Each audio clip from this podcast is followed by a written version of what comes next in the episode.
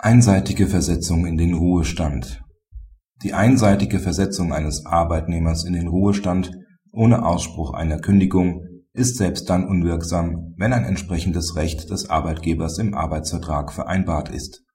Der Arbeitnehmer ist zunächst als Bankdirektor tätig. Er schließt mit dem Arbeitgeber im Jahr 1996 eine Beurlaubungsvereinbarung, um für die nächsten vier Jahre Mitglied der Geschäftsleitung einer anderen Gesellschaft zu werden für den Fall, dass sich die Tätigkeit in der Geschäftsleitung nicht verlängert, sieht die Beurlaubungsvereinbarung vor, dass der Arbeitgeber den Arbeitnehmer einseitig in den einstweiligen Ruhestand versetzen kann. Von diesem Recht macht der Arbeitgeber mit Wirkung zum 01.01.2001 Gebrauch. Die Parteien streiten sodann zunächst längere Zeit außergerichtlich über die Wirksamkeit der Versetzung im Jahr 2006 erhebt der Arbeitnehmer Klage auf Feststellung des Fortbestands seines Arbeitsverhältnisses. Der Arbeitgeber beruft sich auf den Ablauf der Klagefrist. Das BAG gibt dem Arbeitnehmer Recht.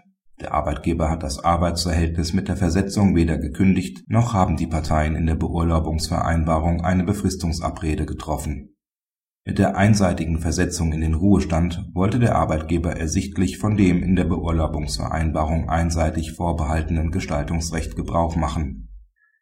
Die Beurlaubungsvereinbarung sieht hinsichtlich der Vertragsbeendigung zahlreiche unterschiedliche Möglichkeiten vor. Die einseitige Versetzung in den Ruhestand ist nur eine davon. Das gesamte Vertragswerk der Parteien ist danach ausgerichtet, eine dem Beamtenrecht möglichst nahe kommende Regelung zu treffen die Parteien haben daher auch entsprechende Begrifflichkeiten wie zum Beispiel einstweiliger Ruhestand gewählt. Die Versetzungserklärung des Arbeitgebers kann daher nicht als Kündigung aufgefasst werden.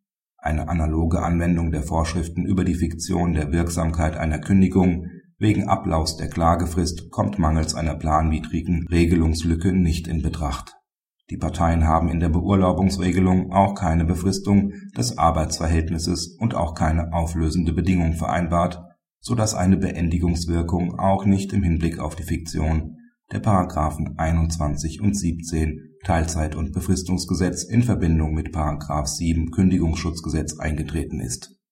Die Versetzungsanordnung selbst ist wegen der Umgehung zwingender kündigungsschutzrechtlicher Bestimmungen nichtig (§ 134 BGB die gewählte Vertragskonstruktion ist mit den Grundsätzen des Arbeitsrechts unvereinbar. Sie schränkt die Anwendung von § 626 BGB und die Vorschriften des Kündigungsschutzgesetzes so wesentlich ein, dass deren Zweck vereitelt wird.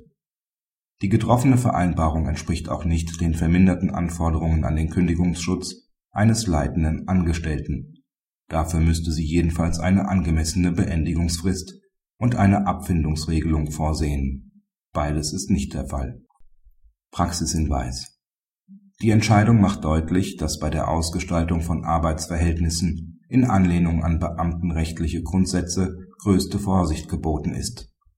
Da die Parteien in einem Beamtenverhältnis andersartigen Treue und Fürsorgepflichten unterliegen, können einzelne Rechte und Pflichten daraus keinesfalls unbesehen in einen privatrechtlichen Anstellungsvertrag übernommen werden selbst wenn dieser mit einer öffentlich-rechtlichen Körperschaft geschlossen sein sollte.